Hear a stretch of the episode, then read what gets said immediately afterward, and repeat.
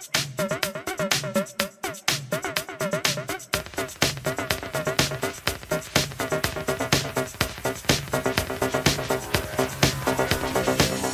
hey, hey, welkom terug, leergierige luisteraar. En een dikke merci om een nieuwe aflevering te downloaden van onze historische podcast Geschiedenis voor herbeginners. Uw gesproken dagblad in virale tijden. En ja, je weet het, we zijn een derde lockdown-weede week ingegaan. We mogen nog een pakje minder, maar wij gaan ons amuseren door het verleden nog beter te begrijpen. In ons kot blijven was nog nooit zo boeiend.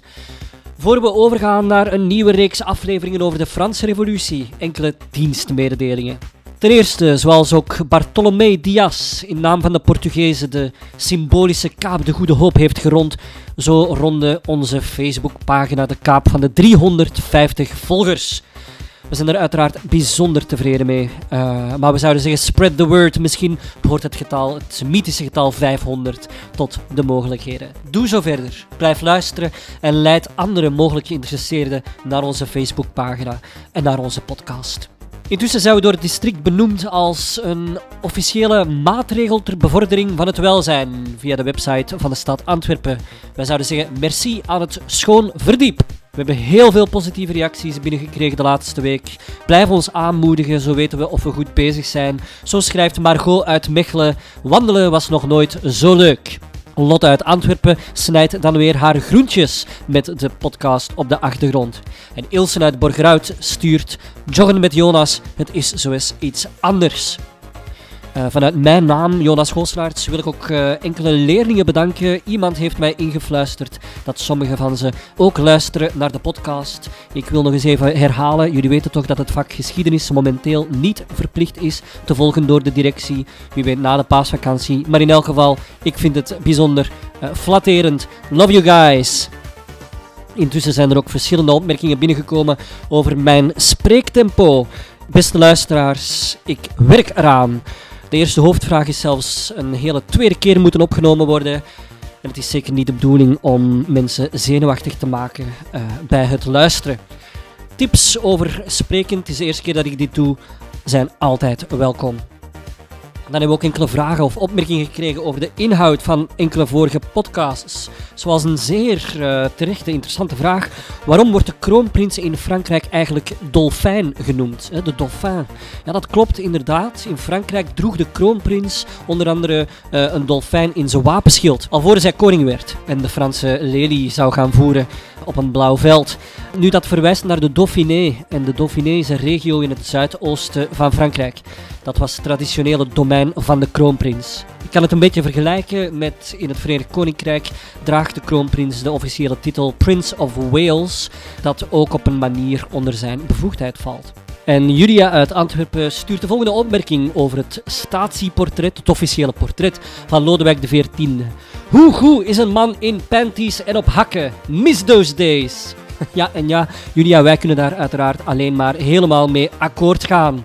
Modeverschijnselen zijn zo'n sociaal afgesproken concept. Eigenlijk is het iets vreemds. Ik zou zeggen, zodra we weer buiten mogen komen, draag gewoon waar je je goed in voelt. Of dat nu hakken zijn of niet. En Vincent uit Antwerpen stuurt ons dezelfde opmerkelijke mededeling na het beluisteren van de aflevering over Versailles.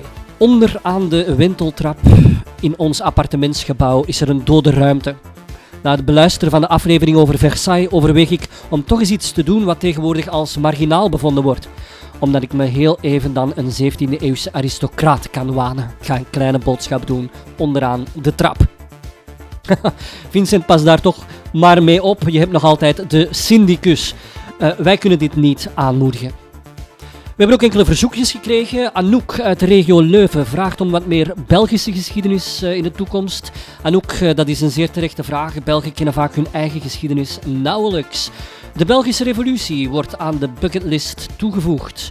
En Caroline uit het Gentse stuurt als verzoek de koningskwestie van na de Tweede Wereldoorlog. Ook zo'n mijlpaal in de Belgische geschiedenis. Of uh, dat is een verzoekje van haar vriendin, de opkomst van het Vlaams Blok. Aan beide dames wil ik zeggen, wordt toegevoegd aan de bucketlist. Judith uit Pelt stuurt... Oh, door een verwijzing naar de Vietnamoorlog ben ik nogmaals met de neus op de feiten gedrukt. Ik weet daar helemaal niks van. Kan jij me helpen? Inderdaad, Judith, de Vietnamoorlog hè, tot de Afghanistanoorlog.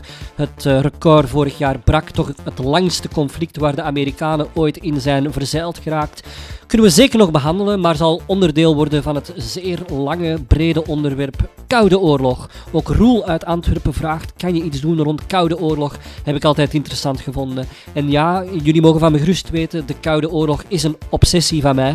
Uh, en daar wil ik zeker iets mee doen, maar dan, dat gaan dan zeker tien afleveringen worden. En tenslotte belandde in onze mailbox ook een pluim van een uh, Herman. En Herman is rector ergens in het Antwerpse. En ja, hij heeft ook geschiedenis gestudeerd. Dankjewel Herman, altijd fijn om een hart onder de riem gestoken te krijgen van vakgenoten. Voilà, ik geloof dat we eraan kunnen beginnen. Zet je schrap, we stappen opnieuw onze TD-tijdsmachine in en we gaan ons terug laten katapulteren naar het einde van de 18e eeuw.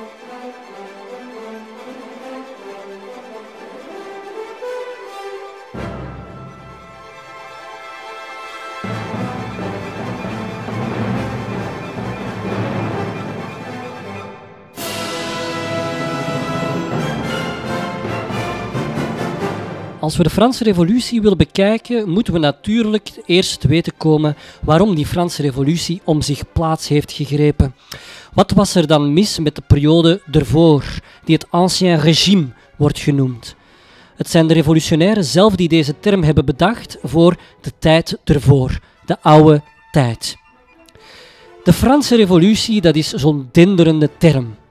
Ik herinner mij nog heel goed toen ik in het eerste middelbaar zat, een kleine jongen was. Ik ging naar de Latijnse in het Sint-Jan Bergmans College in Westmalle. En toen had ik zo'n fantastische leraar, meneer Van Deun, echt zo'n monument. En die peperde ons al in de eerste les de belangrijkste data in de wereldgeschiedenis in. De val van het West-Romeinse Rijk, de val van het Oost-Romeinse Rijk. En dan was daar 1789, de Franse Revolutie. Een jaartal dat velen onder ons waarschijnlijk heel hun leven uit het hoofd zullen kennen. Maar als kleine heb je natuurlijk nog totaal geen benul van wat er met die term eigenlijk wordt bedoeld. Jaar na jaar moet je dat studeren. Op de duur heb je echt al zo een, een woordbeeld van dat ding. Maar heeft nog niemand je verteld wat die Franse revolutie is. Dat leer je dan eigenlijk pas meestal in het vijfde middelbaar. En ik ga dat met jullie even terug overlopen. Om te beginnen, wat is een revolutie? Een revolutie, in tegenstelling tot een evolutie die traag en vaak niet zichtbaar voor het blote oog uh, zich voltrekt, is vlug, is vaak krachtig en is vaak gewapend, zeker als het dus om een politieke revolutie gaat. Nu, wat waren de oorzaken van de Franse Revolutie? Dat was eigenlijk een samenloop van politieke, culturele en economische factoren. Je hebt niet één oorzaak. Ten eerste kreunde de Europese samenleving al eeuwenlang onder de inmiddels ferm gehate drie-standen-maatschappij. Een maatschappij, een samenleving waarbij er drie juridisch afgebakende groepen waren. Juridisch afgebakend, dus niet uh, volgens het criterium van bijvoorbeeld geldbezit. Uh, en elke groep had zijn eigen rechten en plichten. Het hele idee van iedereen gelijk voor de wet, één wet, bestond hoegenaamd nog niet. Wat waren nu die drie standen? Ten eerste had je de clerus, de geestelijkheid, in het Latijn bijgenaamd de oratores, de bidders. Hun functie was zorgen voor het zielenheil van de gelovigen. De gelovigen helpen om op aarde een leven te leiden dat hem een plekje zou garanderen in de hemel, in het hiernamaals. Naast die hoofdplicht stond de clerus vaak de machthebber bij in het bestuur, omdat zij quasi het monopolie bezaten van de geletterdheid. Dit was de stand die las en schreef. Buiten die plichten hebben ze eigenlijk vooral veel rechten. Zij zijn vrijgesteld van belastingen. Sterker nog, ze mogen zelfs een belasting innen, de zogenoemde tienden, die, zoals de naam aangeeft, uh, hun het recht gaf om één tiende van het inkomen van de gelovigen op te eisen. En als dat niet in klinkende munt ging, dan was het wel in natura, een tiende van de opbrengst bijvoorbeeld. Daarnaast waren ze ook vrijgesteld van dienstplicht. Zij vielen onder hun eigen rechtssysteem en konden dus enkel worden veroordeeld door andere geestelijken. Dat rechtssysteem heette het kerkelijk recht of het kanonieke recht. Omdat abdijen en kloosters of kathedralen vaak zo machtig geworden waren, was de geestelijkheid ook vaak groot grondbezitter en ontvingen ze jaarlijks heel wat inkomen door bijvoorbeeld het verpachten van land. De eerste stand was niet één monolithisch blok. We maken een onderscheid tussen hoge geestelijke, dan heb ik het voornamelijk over de bisschoppen en de kardinalen en zelfs de paus. De hoge geestelijke kwamen sowieso per definitie uit de aristocratie, de adel. En we hebben de lage geestelijkheid, de lagere klerus de dorpspastoren, de monniken, de nonnekes. Zij kwamen per definitie uit de derde stand. De tweede stand was de adel, de geestelijkheid. In het Latijn de bellatores, de vechters. Dit verwees natuurlijk naar de oorspronkelijke taak die ze bekleden toen de adelstand in de vroege middeleeuwen in het leven werd geroepen. Maar tegen het einde van de nieuwe tijd waren ze eigenlijk ook de facto vrijgesteld van dienstplicht. Als ze al een legertaak vervulden, dan was het als hoge officier. Vrijwel elk Europees land van betekenis had aan het einde van de 18e eeuw een staand leger, een professioneel uitgerust leger. Zij mochten niet werken, ze waren eigenlijk vrijgesteld van werk. Zij mochten zeker niet aan handel doen, want volgens de adel was aan handen doen, geld uitwisselen, uw handen vuil maken. Zij vielen ook onder hun eigen rechtssysteem, het zwaardrecht, verwijzend naar hun privilege om als enige stand in het openbaar omgord te zijn met een zwaard. En dat recht werd ook wel eens het heerlijk recht genoemd, naar de Heer genaamd. Zij hielpen ook de vorst in het bestuur en stonden vaak heel hoog in aanzien omwille van hun adellijke titel. En ze leidden vaak, maar niet noodzakelijk, een zeer luxueus leven. Wederom, de adel laat zich dus niet definiëren in termen van geld. Het is een misvatting om te denken dat edelmannen per definitie rijk zijn. En ook binnen de adel maken we een onderscheid tussen de hoge adel, de grootgrondbezitters, de hertogen, de graven, en de lage adel, de plaatselijke heren, de ridders, de baronnen.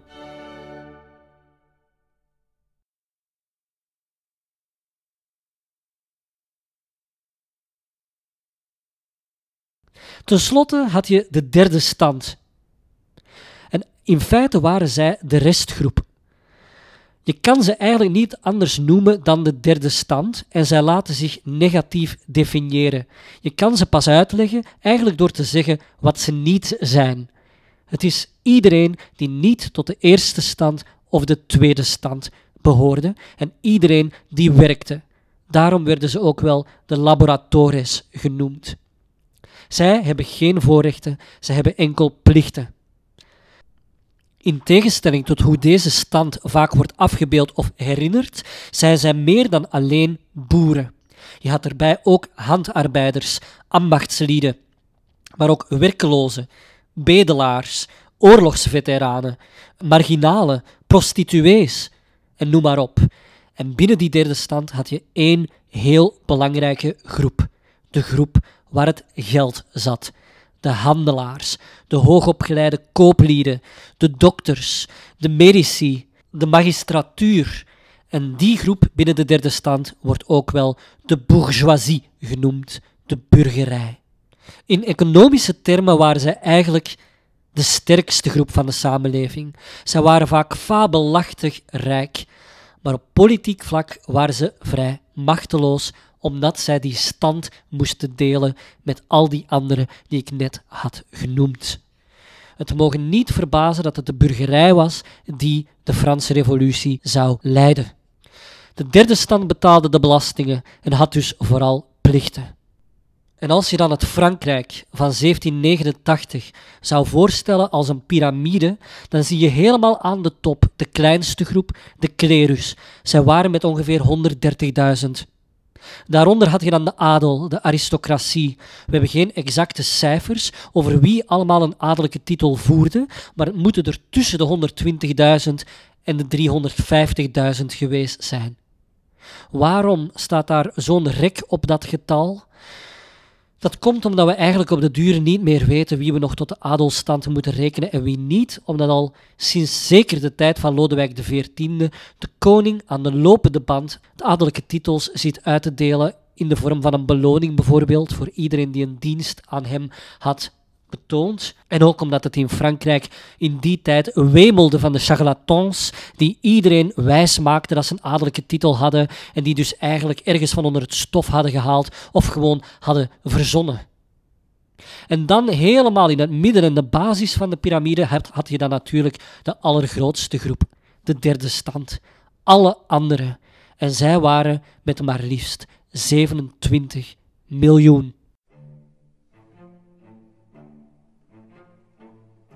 Over de drie standenmaatschappij bestaan ook heel wat hardnekkige misverstanden, als waren ze drie monolithische, totaal van elkaar afgescheiden groepen die enkel tegengestelde belangen koesterden. Dat klopt niet. Kijk bijvoorbeeld naar de klerus. Je had hoge geestelijke en lage geestelijke. En als er in een land of een regio een sociaal conflict uitbrak, dan was de hoge geestelijkheid doorgaans op de hand van de adel, omdat ze namelijk uit de adel kwam, en de lage geestelijkheid koos dan vaak de partij van het gewone volk. En ook populair zij het verzonnen, waren verhalen zoals edellieden die hun boeren dwongen om in de gracht rond het kasteel alle kikkers te vangen s'nachts, omdat ze van het gekwaak niet konden slapen.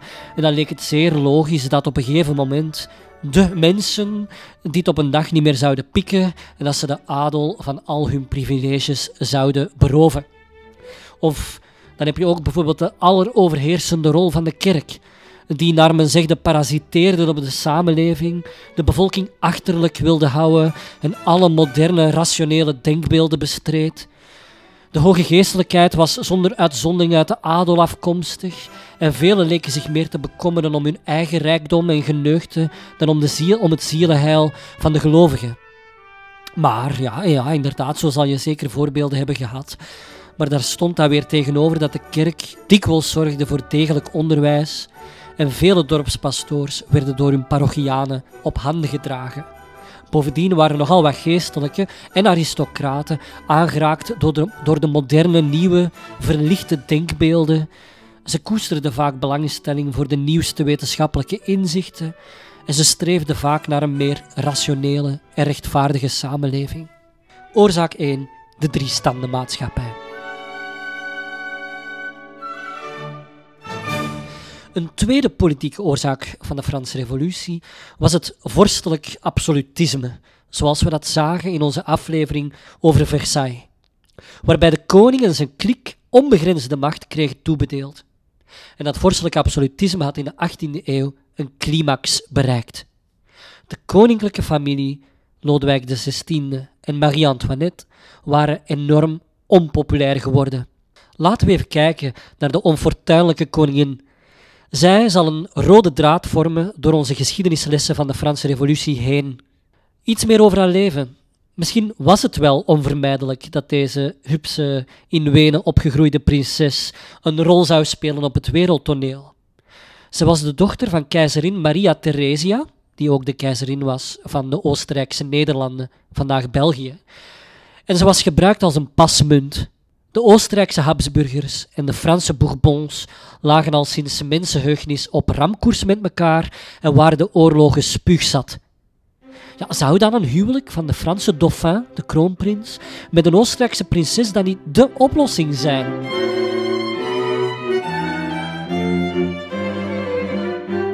De oude Louis XV stemde toe en de 15-jarige Marie-Antoinette wordt verpatst aan de kroonprins die, zo waarschuwen Maria Theresia's diplomaten haar, door de natuur met geen enkel talent werd bedeeld.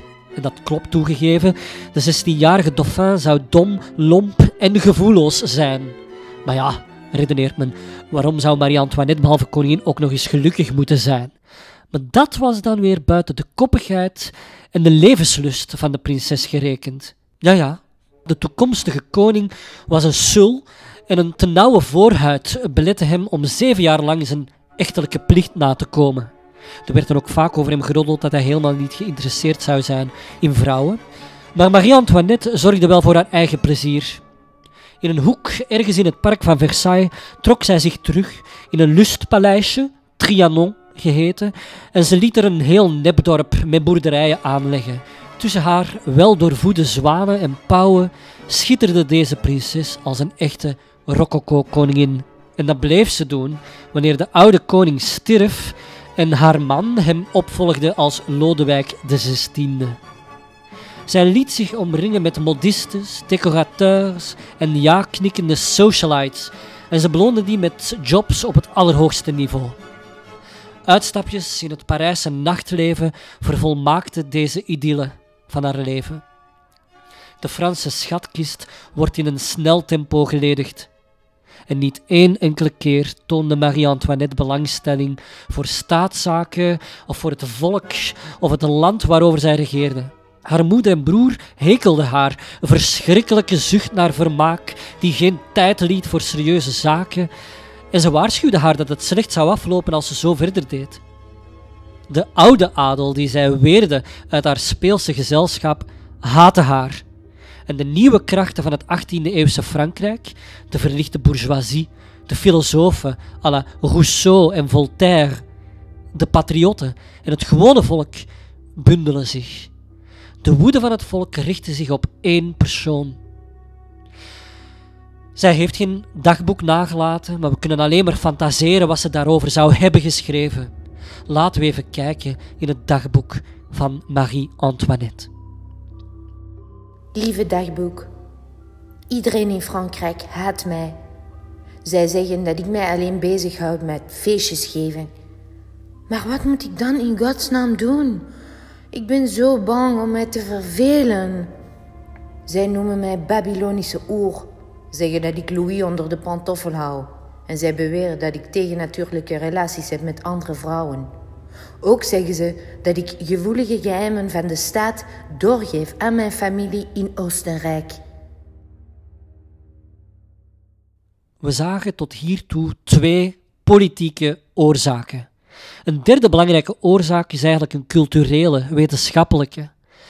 Op intellectueel vlak was de weg in de 18e eeuw namelijk bereid door een nieuwe filosofische stroming die de verlichting heette.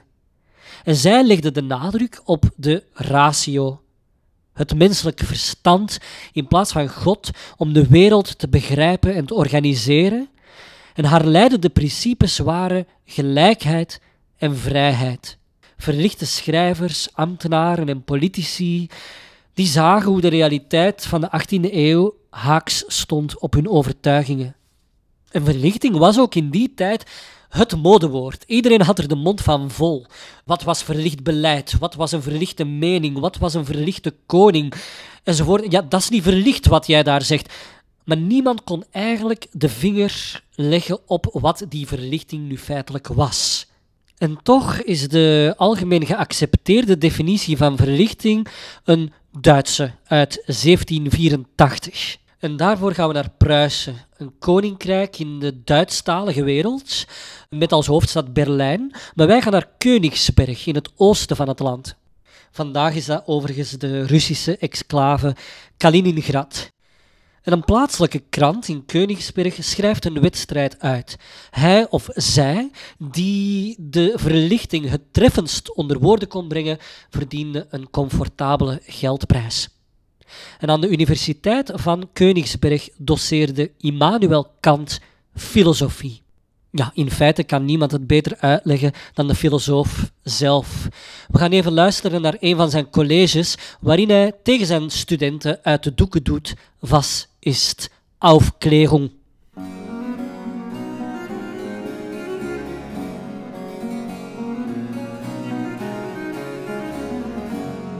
Verlichting, dat is het bevrijden van de mens uit zijn onmondigheid. Ja, waaraan dat hij zelf schuld heeft. Hè? Onmondigheid, dat is het onvermogen om zijn verstand te gebruiken zonder de leiding van een ander. En die onmondigheid is zijn eigen schuld wanneer dat de oorzaak daarvan niet ligt in het eh, gebrek aan verstand, eh, maar wel in het gebrek aan moed en aan eh, wilskracht om het verstand aan te gebruiken zonder de leiding van een ander. Niet waar? Ja. Heb dus de moed om uw eigen verstand te gebruiken. Hè? De sapere aude, hè? dat is de kernspreuk van de verlichting. Dat is de verlichting. En de Franse revolutie is eigenlijk een verlichte revolutie, maar niet de eerste. Daarvoor gaan we naar de andere kant van de Atlantische Oceaan, waar enkele Amerikaanse ja, founding fathers, zoals Thomas Jefferson of Benjamin Franklin, op 4 juli 1776, vandaag Independence Day, een onafhankelijkheidsverklaring uitvaardigden waar ze eigenlijk hun trouw opzeggen aan hun overheerser, de Britse vorst, Londen. En dat vanuit de filosofie, als wij niet vertegenwoordigd worden in Londen, terwijl we wel belastingen betalen, dan kunnen we eigenlijk onze eigen staat oprichten. No taxation without representation. Zij breken als eerste kolonie met hun Europese overheerser, op basis van verlichte idealen bij vele Europeanen golden ze als een stichtend voorbeeld, maar het zou niet zonder slag of stoot gebeuren, want ze vechten daar een onafhankelijkheidsoorlog voor uit. Ik heb nu drie oorzaken van de Franse Revolutie genoemd. En zij waren essentieel. En vooral die politieke situatie van de drie standen en het vorstelijk absolutisme zou met die Franse Revolutie gedeeltelijk of grotendeels afgeschaft worden. En toch is dit niet de doorslaggevende oorzaak geweest. Dat is naar de geschiedenis kijken door de lens van de ervaring of de afloop ervan. En daar moet je heel hard mee oppassen. Als we geschiedenis bestuderen, moeten we echt de tijd terugspoelen en ons niet laten leiden door wat we weten over de periode daarna. De revolutie brak niet uit omdat het ancien regime volstrekt ondraaglijk was geworden. Ik moet dus de formulering van mijn hoofdvraag een beetje nuanceren. De drie-standenmaatschappij kon namelijk misschien afgezwakt worden.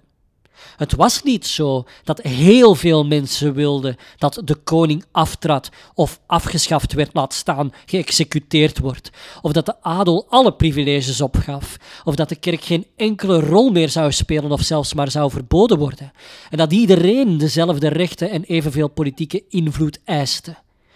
Het politieke bestel stortte ineen omdat het geld op was. De Franse koningen hadden altijd al op grote voet geleefd. Niet alleen werden er exorbitante bedragen opgehoest voor een eclatante hofhouding, maar er werden ook exuberante sommen geld gesmeten naar oorlogsvoering. Tegen het jaar 1780 waren de schulden zo hoog opgelopen dat een bankroet nakend was.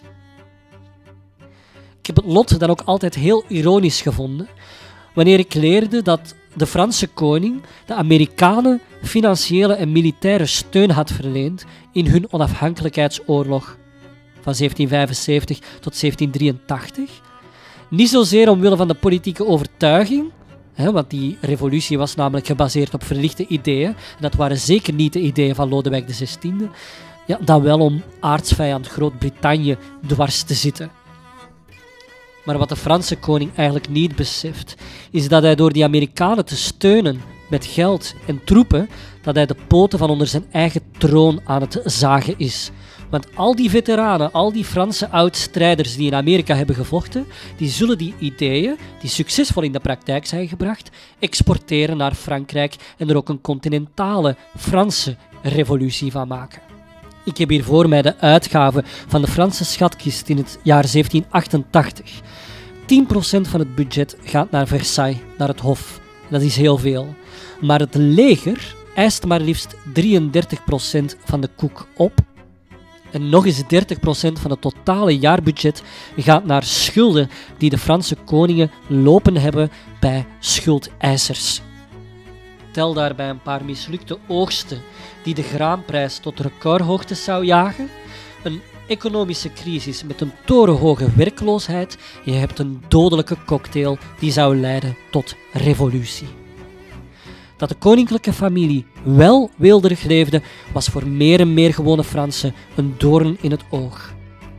De verhalen over het luxueuze leven van de koningin maakten veel Fransen woedend omdat buiten de paleizen grote armoede heerste en mensen letterlijk stierven van de honger in de stinkende straten van Parijs.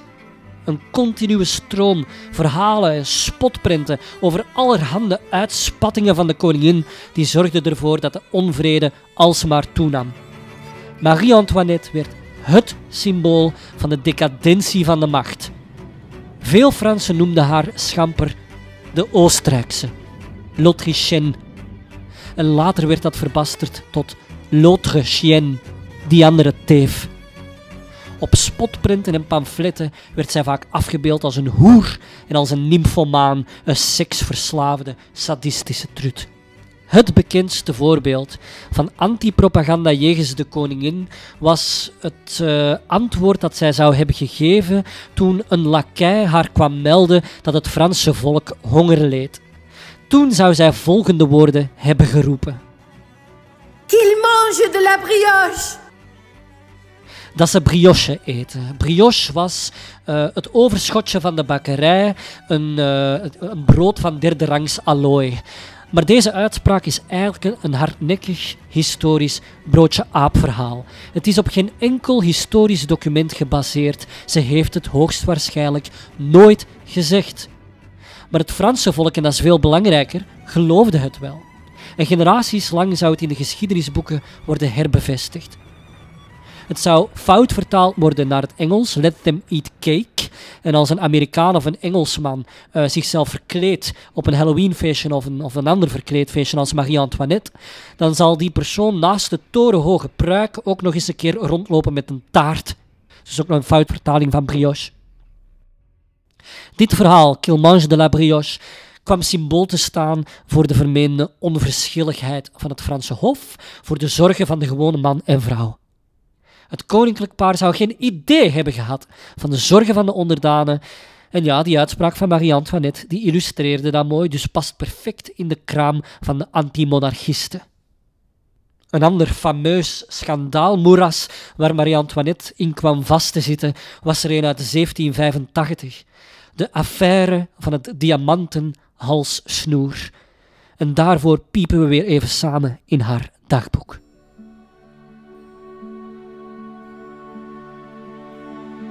Lieve dagboek, nu hebben ze me weer wat in de schoenen geschoven. Enkele Parijse juweliers hebben samengewerkt om de waardevolste halsketting ter wereld te maken met 650 diamanten erin. En zij hoopten dat Louis die voor mij zou kopen. Oh wauw, dat ding zou er goed uitzien rond mijn nek.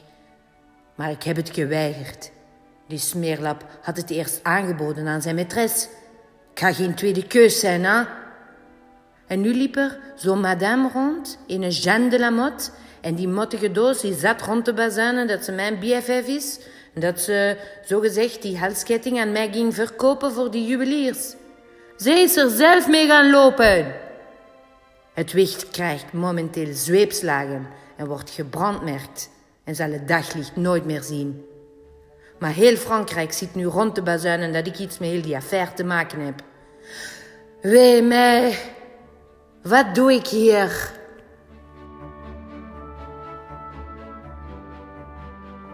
Et voilà. Dit was een nogal theoretische aflevering. We zagen vier oorzaken van de Franse Revolutie. Ten eerste de driestandenmaatschappij. Ten tweede het ongebreidelde vorstelijk absolutisme. Ten derde een nieuwe moderne manier van denken die de verlichting werd genoemd. En ten vierde een gat in de Franse schatkist. Hoe de revolutionaire bal dan echt aan het rollen begint te gaan, zien we in de tweede aflevering. We zien jullie graag dan terug. She keeps in a pretty cabinet. Let them eat cake, she says. Just like Marie Antoinette, a building a remedy for Khrushchev and Kennedy. At any time, an invitation you can't decline. Caviar and cigarettes, well versed in etiquette, extraordinarily nice. She's a killer queen, getting bad eternity. Dynamite beam, guaranteed to blow your mind. Ooh, recommended at the price, insatiable in appetite. Wanna try? Wanna try?